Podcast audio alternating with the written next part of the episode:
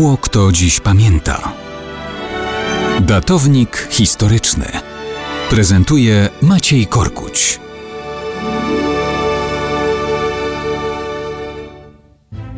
Dzisiaj Dzień Świętego Walentego, patrona zakochanych i rocznica zarazem przemianowania Związku Walki Zbrojnej w Armię Krajową w 1942 roku.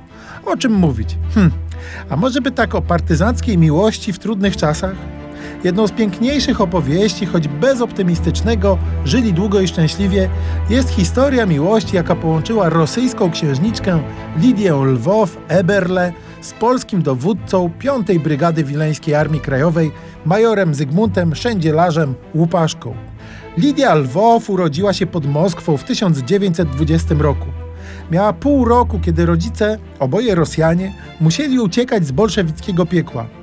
Oni w Polsce znaleźli schronienie, a mała Lidia, od zawsze nazywana Lalą, nową ojczyznę. Wychowałam się tutaj, tu jest mój dom, mówi o Polsce jeszcze dzisiaj. Na Wileńszczyźnie zastały ją czasy okupacji sowieckiej, potem niemieckiej. W 1943 roku trafiła do oddziału partyzanckiego Antoniego Burzyńskiego Kmicica.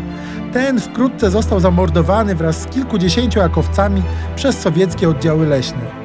Lala schroniła się wśród żołnierzy, nad którymi dowództwo objął właśnie Łupaszka. W piątej wileńskiej brygadzie AK była sanitariuszką. Z czasem zrodziło się między nimi uczucie. Lidia dzieliła z Łupaszką dole i niedole życia partyzanckiego. Ukrywała się z nim na Podhalu jeszcze w 1948 roku. Ślubu nie mieli, bo wciąż żyli w konspiracji. Razem wpadli w łapy UB.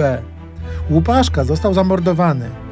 Lidia przeszła tortury i wymyślne okrucieństwa, przeżyła wszystko i do dzisiaj daje świadectwo swojej miłości, tej osobistej, ale też i tej wielkiej, do Polski, która na zawsze pozostała już jej ojczyzną.